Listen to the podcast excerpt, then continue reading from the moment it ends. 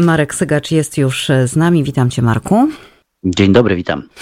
Czym żyje Polska oprócz wysokich, horrendalnie czasami cen? Gdzieś słyszałam o 200 iluś złotych za kilogram czereśni, ale to chyba czereśnie gdzieś, nie wiem, sprowadzone z końca świata, bo e, rzeczywiście ta informacja, muszę powiedzieć, że e, e, zbiła mnie z nóg, mm, ale, mm, to prawda. ale jest drogo. się takie zdjęcie. Ta, ale, tak, pojawiło ale się jest... takie zdjęcie rzeczywiście.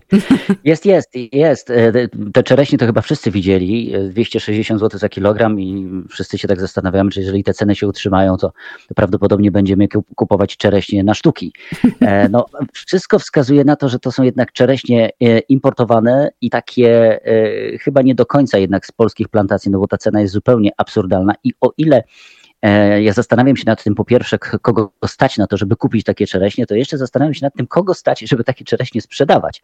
Bo przecież jeżeli ktoś kupił taki towar e, i zdecydował się tym handlować, no to musi się liczyć ze stratami, a jeżeli takie czereśnie nie zejdą z rynku, a pewnie nie zejdą, no to pójdzie w straty i to kolosalne. No ale to przypuszczam, że to takie E, wczesnoletnie badanie rynku i z truskawkami, i z czereśniami, chociaż truskawki muszę powiedzieć, że utrzymują się, wprawdzie są droższe niż w zeszłym roku oczywiście, ale te ceny nie są jeszcze tak, e, tak dramatyczne. Zobaczymy, jak się będzie rozwijał sezon. No rzeczywiście ceny E, rosną. Ceny rosną tego można się było spodziewać. Tego, się można było spodziewać już po mm, ogłoszeniu e, pod koniec kwietnia e, inflacji przez Główny Urząd Statystyczny. 12,3% to jest inflacja wyższa niż rok wcześniej, w ogóle wyższa, najwyższa od 98 roku, więc bo to był gigantyczny wzrost, 4 dokładniej 0,2%, był wzrost w skali zaledwie miesiąca cen żywności i nic nie wskazuje na to, żeby ta inflacja się zatrzymała. No oczywiście u nas, jak to w Polsce, jeżeli pojawia się już jakiś wątek, to natychmiast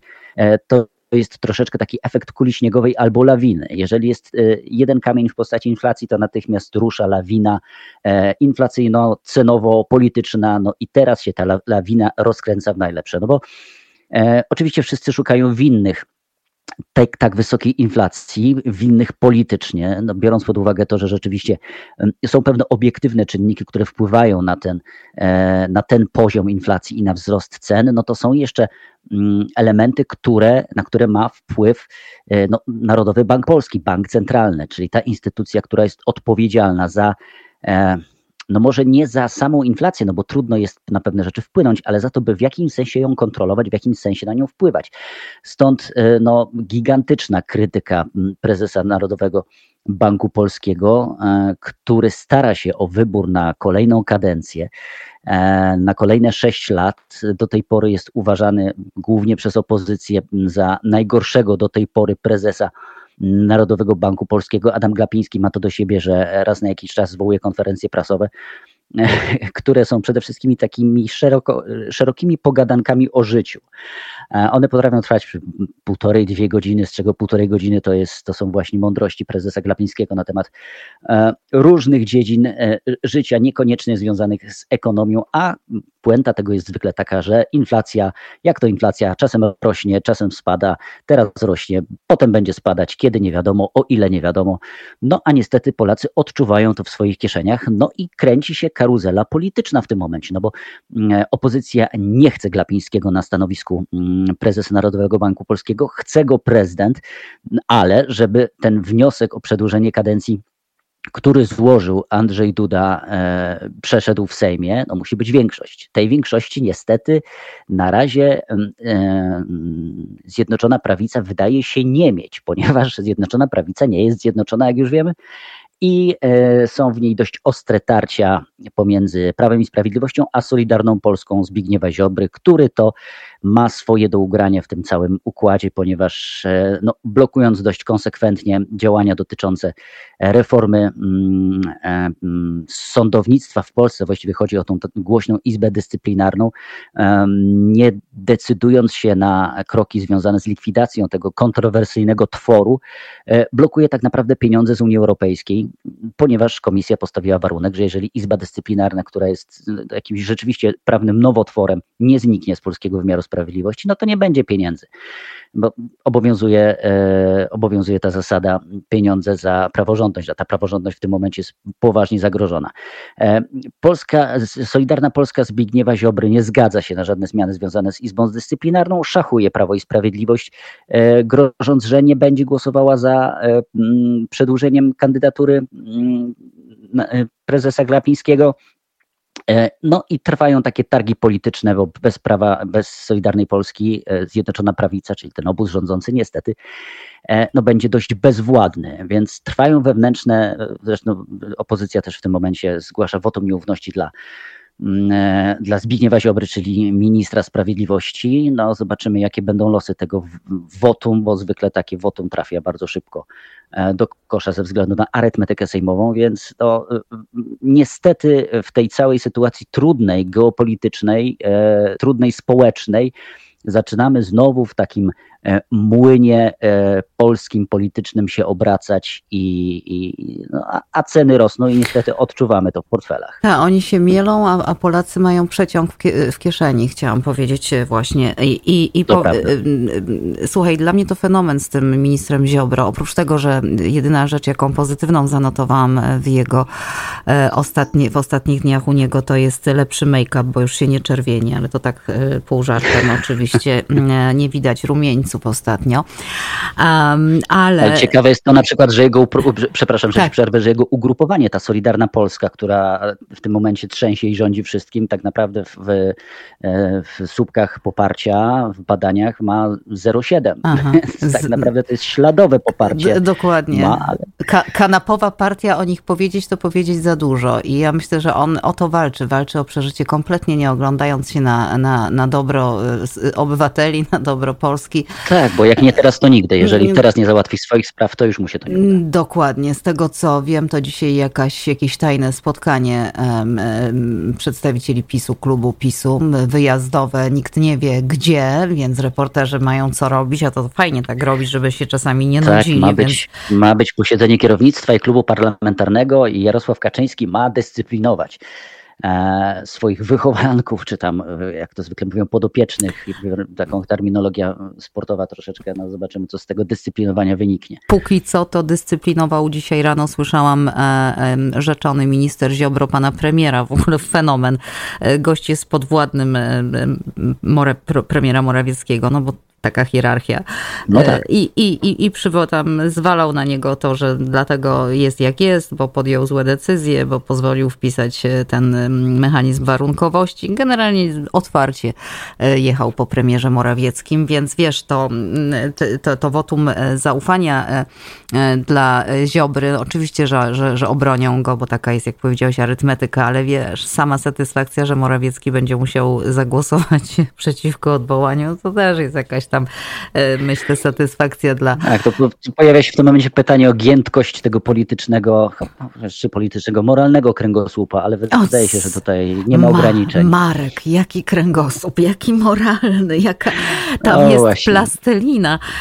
Natomiast przeczytałam dosłownie przed chwilą, zanim, zanim zaczęliśmy rozmawiać, z ostatniej chwili Onet podaje, nie wiem na ile to są sprawdzone informacje, że Komisja Europejska jest zadowolona z wyniku rozmów w sprawie, przytaczam, w sprawie Krajowego Planu Odbudowy i czeka na potwierdzenie uzgodnień ze strony Warszawy.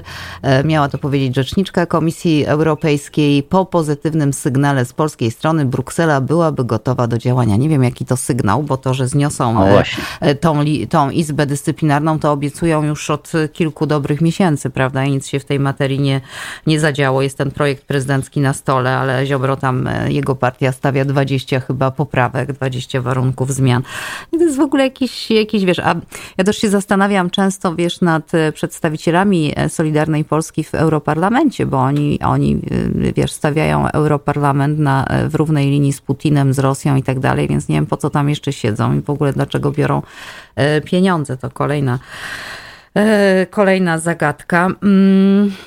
No, no, jak się okazuje, te unijne pieniądze nie śmierdzą. Nie śmierdzą, ale gdzie tam? E, słuchaj, e, przejdźmy do spraw poważniejszych od tych przepychanek. E, nie, żebym myślała, że, że, że sprawa inflacji nie jest poważna, absolutnie, to wszyscy odczuwamy, tylko ja zawsze mówię ludziom tutaj, bo nieraz w sklepach ktoś mnie zaczepia i mówi, zobacz ile to kosztuje, kiedyś płaciłam za to tyle, kiedyś tyle, a zobacz, a, a, a to ja mówię, tak, ja rozumiem, ja też nie jestem szczęśliwa, tylko proszę zwrócić uwagę na to, że u nas inflacja jest 7, coś tam, a są kraje, gdzie inflacja jest 12, coś tam, a tak naprawdę 15, jak mówią e, specjaliści, więc e, no, nie wyobrażam sobie tych waszych cen. Ale e, o, mówiąc o, o, tematach poważnych Ukrainy, oczywiście mam na myśli, nie, nie odmówię sobie zapytania ciebie o komentarz ostatnich wydarzeń. Nie słyszeliśmy się dwa tygodnie. Ukraina się broni. Ukraina um, odbiera pewne tereny, ale też i Rosja zajmuje kolejne. I tutaj właśnie o tą informację i dezinformację e, chciałam Cię zapytać. Jak, ty, jak to z Twojej perspektywy, Ty potrafisz lepiej szukać, lepiej e, przesiewać przez sito? Jak, jak wygląda ta sytuacja w Ukrainie w tej chwili? To prawda, no wszyscy chcielibyśmy tak naprawdę wierzyć zupełnie, absolutnie do końca i bezkrytycznie w te informacje, które płyną ze strony Ukrainy no bo to poprawia nastrój. Natomiast patrząc na mapę i patrząc na to, jak się rozwijają fronty i linie ataku, niestety e, no, nie jest dobrze. To znaczy, Rosja na pewno nie wycofuje się i daleka jest od tego, żeby wycofać się z Ukrainy. E, na wschodzie rzeczywiście Ukraińcy, e, trudno mówić o kontrataku jakimś, ale są takie drobne uderzenia, które zepchnęły w okolicach Charkowa, czyli tam na wschodzie, przy granicznych terenach, część wojsk rosyjskich już nawet do samej rosyjskiej granicy ale w innych miejscach e, no, Rosja e, powoli, bardzo powoli, nie tak zapewne jakby się tego spodziewał Władimir Putin, ale systematycznie posuwa się, niestety zajmuje kolejne wsie, kolejne miejscowości, posuwa się do przodu. Mówi się także o tym, że szykowane jest nowe uderzenie w tym momencie, kiedy Mariupol tak naprawdę broni się już tylko w Azowstalu, w tym kombinacie, tam gdzie jest około tysiąca w tym momencie jeszcze żołnierzy, no to e, tam się odblokowało trochę sił rosyjskich i te siły ma, e, są przekierowywane, takie są informacje wywiadu między innymi amerykańskiego, przekierowywane w stronę takiej miejscowości położonej bardziej w centrum, miejscowości dużego miasta, w centrum Ukrainy. Mówię tutaj o Zaporożu. To by było strategiczne kolejne miasto, które, które Rosja chciałaby zdobyć. E, no, nasilają się ataki rakietowe. To jest na razie, e, ta wojna przybrała właśnie taki, taką formę. To są ostrzały rakietowe, e, głównie mniej ofensywa lądowa. No, ale te ataki są dość niszczące. No, niedawno była zaatakowana, kilka dni pod rząd ostrzeliwana była Odessa, czyli ten port, w zasadzie jedyny w tym momencie ukraiński port na Morzu Czarnym, bardzo ważny z punktu widzenia handlowego i obrotu zbożem, bo jednak w jakiejś formie on cały czas funkcjonuje. E, poza tym pojawił się ten wątek, o którym, e, którego nie, nie, nie można lekceważyć. To znaczy, że Putin będzie chciał przerzucić e, część wojny, czy też przenieść wojnę na, do Naddniestrza, do tej nieuznawanej republiki, która jest jakby po zachodniej, czyli po drugiej stronie Ukrainy. On tam ma swoje jednostki od, od dawna. Wprawdzie to są takie jednostki stacjonujące i pilnujące jakichś zabytkowych zupełnie posowieckich magazynów broni. E, no ale jest tam teren, są tam bazy wojskowe, jest tam lotnisko, jest tam techniczna możliwość e, przerzucenia wojsk, a to by oznaczało otworzenie nowego zachodniego frontu i atak na Odessę być może, bo Odessa jest przy tej granicy Naddniestrza, czyli niedaleko granicy Naddniestrza, to by było dla tamtej części Ukrainy bardzo niebezpieczne i groziłoby rzeczywiście odcięciem od morza. Natomiast bardzo niepokojące są te informacje spoza frontu, które docierają z tych terenów już zajętych przez Rosję. Mówię tutaj o Mariupolu na przykład i e, czymś, co, nazywają, co nazywa się obozami filtracyjnymi, co jest absolutnie przerażające. Obozy filtracyjne, e, proszę Państwa, to są takie obozy, do których trafiają ludzie ewakuowani z tych, miast, z tych miast zajętych, miejsc, miejscowości, czyli tak naprawdę Ukraińcy są wywożeni do tych obozów, e, zanim zostaną, e, na przykład e, mechanizm jest taki, jeżeli jakiś teren jest ewakuowany, jest otworzony korytarz humanitarny, to ludzie są wywożeni autobusami, Ukraińcy, którzy chcą się wydostać z tego terenu, najpierw do obozów filtracyjnych. Tam jest przeprowadzana tak zwana filtracja. Nie do końca wiadomo na czym ona polega, ale ci, którzy ją przechodzą, Rosja, Rosjanie to oczywiście przeprowadzają, e, mogą wydostać się z tych terenów i rzeczywiście być ewakuowani. Ci, którzy nie przechodzą, przepadają tak naprawdę bez wieści. Już teraz organizacje mm, e, zajmujące się prawami człowieka mówią, że deportowanych wbrew ich woli do Rosji zostało prawie milion dwieście tysięcy Ukraińców. Nie wiadomo, co się z nimi stało, w którą stronę zostały, zostali wywiezieni. E, jedna piąta tych osób to są dzieci. Więc wygląda na to, że Rosja dąży do tego, żeby zmienić na tych terenach zajmowanych strukturę taką społeczną, to znaczy tak naprawdę wysiedlić Ukraińców, a zasiedlić te tereny e, ludnością rosyjską, z którą nie będzie żadnych problemów, jeżeli chodzi o kontrolę i która nie będzie się sprzeciwiała e, nowemu porządkowi. Więc jest to absolutnie e, przerażające, coś, co jest, co nie mieści się w jakichś współczesnych no, kategoriach czy, czy, kryteriach myślenia e, tak, tak, tak zwanego Zachodu i wolnego, mm, wolnego świata. No ale to jest faktem. Teraz w tym czasie, w XXI wieku mamy do czynienia z czymś takim właściwie w centrum Europy. No i nie wygląda na to, żeby ten mm, proceder w jakiś sposób mógł być zahamowany przez jakiekolwiek międzynarodowe organizacje, czy nawet przez ten bezwładny zupełnie ONZ. No, porażające to faktycznie. To muszę ci powiedzieć, że te obozy filtracyjne, czytałam dużo na ten temat. No, są ludzie, którym się udało uciec z tych obozów i, i przede wszystkim te wypowiedzi znamy i, i, i na tym jedynie możemy opierać swoją wiedzę, ale ale faktycznie, e, zresztą obrońcy y, Azowstalu wystosowali taki, apel do ONZ-u i, i do Czerwonego Krzyża, dosyć ostry, mocny w słowach, aby wreszcie zrobili to, do czego są powołani, czyli chodzi o ewakuację z kolei żołnierzy rannych, y, którzy są mm, w Azowstalu ciągle i nie mogą być leczeni w odpowiedni Tak, tam jest, dokładnie, tam jest w tej chwili tysiąc y, żołnierzy i oni mają doskonale świadomość tego, że oni nie mogą się poddać. Oni liczą na to, że zostaną w jakiś sposób ewakuowani czy wyprowadzeni zielonym korytarzem na stronę ukraińską. Godnie, bo w zasadzie to się należy ludziom, którzy z takim poświęceniem bohaterstwem bronią, e, bronią tego, te, tego skrawka Ukrainy. Natomiast oni wiedzą, że jeżeli dostaną się do niewoli, to zginą, to zostaną po prostu zabici przez Rosjan, ponieważ mm. to, to, oni są to, tymi e, nazistami, w cudzysłowie oczywiście, którzy, e, którzy są celem tej specjalnej rosyjskiej operacji bandyckiej na terenie Ukrainy. To prawda. Marku, jest strefa konfliktu, druga środa miesiąca, po południu spotykamy się, a w niej tak, no ja troszeczkę inaczej chciałem dzisiaj tą strefę zrobić. To znaczy y, informacji dotyczącej tego, dotyczącej, bo oczywiście Ukraina, informacji dotyczących tego, co dzieje się w Ukrainie mamy dużo i to nas otacza. Natomiast ja dzisiaj w strefie próbowałem się zastanowić nad tym, e, kiedy to się zaczęło? Znaczy, kiedy naprawdę zaczęła się wojna e, i operacja Ukraina? Bo wiemy, że 24 lutego spadły pierwsze pociski, ale czy to był początek? E, moim zdaniem nie. Moim zdaniem zaczęło się to wszystko dużo wcześniej. E, zaczęło się na Krymie w momencie, kiedy tak naprawdę po raz pierwszy wojska rosyjskie wkroczyły na terytorium suwerennej Ukrainy i, i zajęły spory obszar, w zasadzie bez walki. E, i troszeczkę przypominam, co się wówczas wydarzyło, jakie były tam mechanizmy, jakie tam mechanizmy zadziałały i, e, i dlaczego tak naprawdę Putin chciał zastosować podobny system e, w, w innych częściach Ukrainy tym razem, no ale to mu nie wyszło. I, no, i zapraszam, bo, bo to będzie troszeczkę inne spojrzenie na, na genezę tego konfliktu.